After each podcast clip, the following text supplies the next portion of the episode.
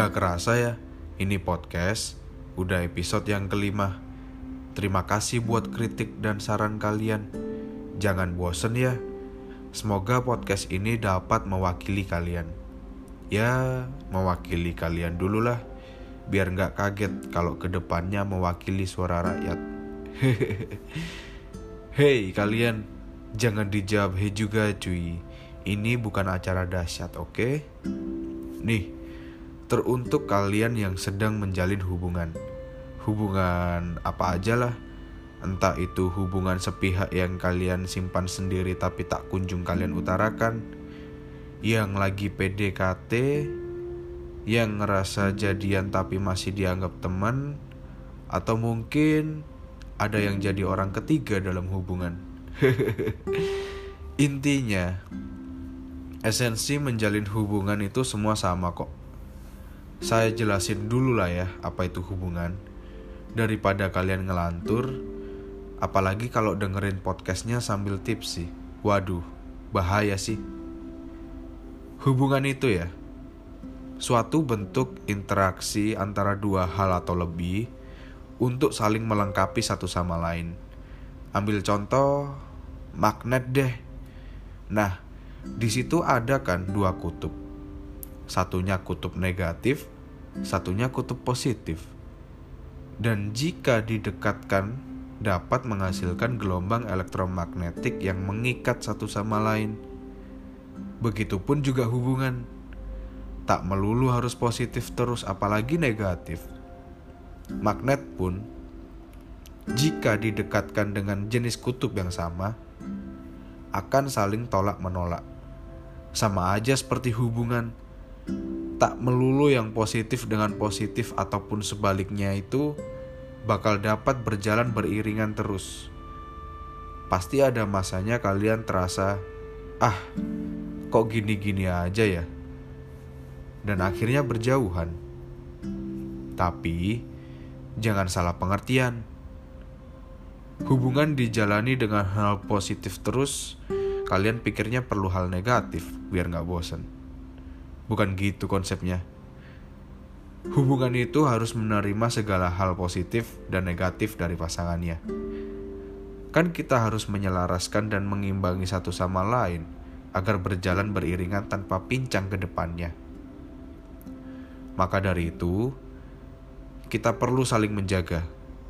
Protektif, bukan overprotektif itu yang jadi pelaku overprotective tolong deh tobat. Kenapa sih overprotective tidak disarankan sama sekali? Sekarang gini deh. Hidup kalian tidak sepenuhnya untuk pasangan kalian bukan? Doi juga punya hidupnya sendiri. Begitupun kamu. Doi berharap kedatanganmu atau kehadiranmu itu untuk memperindah dan mempercantik segala yang ada di hidupnya. Kamu pun juga berpikiran seperti itu, bukan makin memperunyam hidupnya. Contoh nih ya, si doi ngegame, kamunya overthinking ke mana-mana, yang mikir dia selingkuh lah atau apalah. Enggak cuy, dia cuma ngegame. Dan ada lagi nih. Dia nongkrong sama temennya. Ngopi ngobrol santai dan slow respon balesin chat. Kamunya langsung mikir dia masuk jurang. Jurang hati yang lain kali ya. Dan kalian yang korban overprotective jangan berburuk sangka kalau doi overprotective. Atau mungkin kalian kudu introspeksi Kenapa sih dia bisa se-overprotective itu?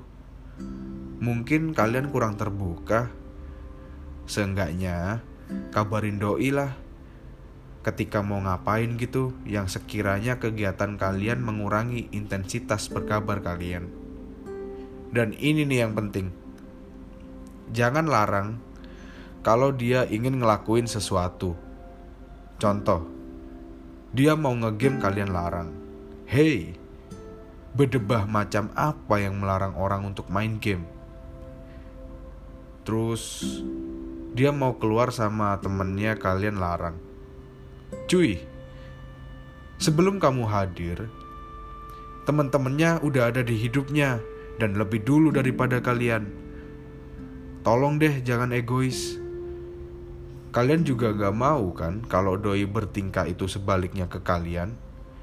Beri deh kebebasan, tapi ketika kebebasan itu bikin kebablasan, kasih peringatan. Setelah peringatan, kasih deh pengertian garis besar menjalin hubungan itu kepercayaan sih. Kenapa? Gini deh. Kalian memulai hubungan juga dengan kepercayaan, bukan? Percaya kalau dia bakal bisa memperindah segala lini dan melengkapi hidup kalian. Ketika menjalin atau menjalani hubungan pun seperti itu. Ingat, kepercayaan kalian di awal memulai untuk hubungan itu jaga kepercayaan satu sama lain dengan saling berkabar, saling terbuka, saling mengerti satu sama lain. Gak usah untuk melakukan hal hina yang bernama overprotective. Gak usah lebay, kalian udah gede. Tapi, bagaimana jika yang diberi kepercayaan tidak bisa amanah ketika menjalankan kepercayaan? Gampang itu berarti dia tidak cocok diajak tumbuh bersama dan berkembang bersama. Dia cocok tumbuh bersama yang lain. Bercanda. Kepercayaan ibarat pupuk dan kalian tanamannya. Semakin kalian diberi kepercayaan dan mempergunakannya dengan baik, kalian tumbuh. Tumbuhlah bersama seperti pohon kelapa Ketika kalian sama-sama pada puncak tertinggi, kalian akan menguatkan satu sama lain ketika terpaan angin kencang datang. Esensi dari menjalin hubungan adalah percaya satu sama lain untuk tumbuh dan berkembang bersama. Percaya sama bego beda tipis. Salah. Benar-benar salah. Kepercayaan hanya dapat dilakukan oleh orang-orang yang elegan, bukan murahan.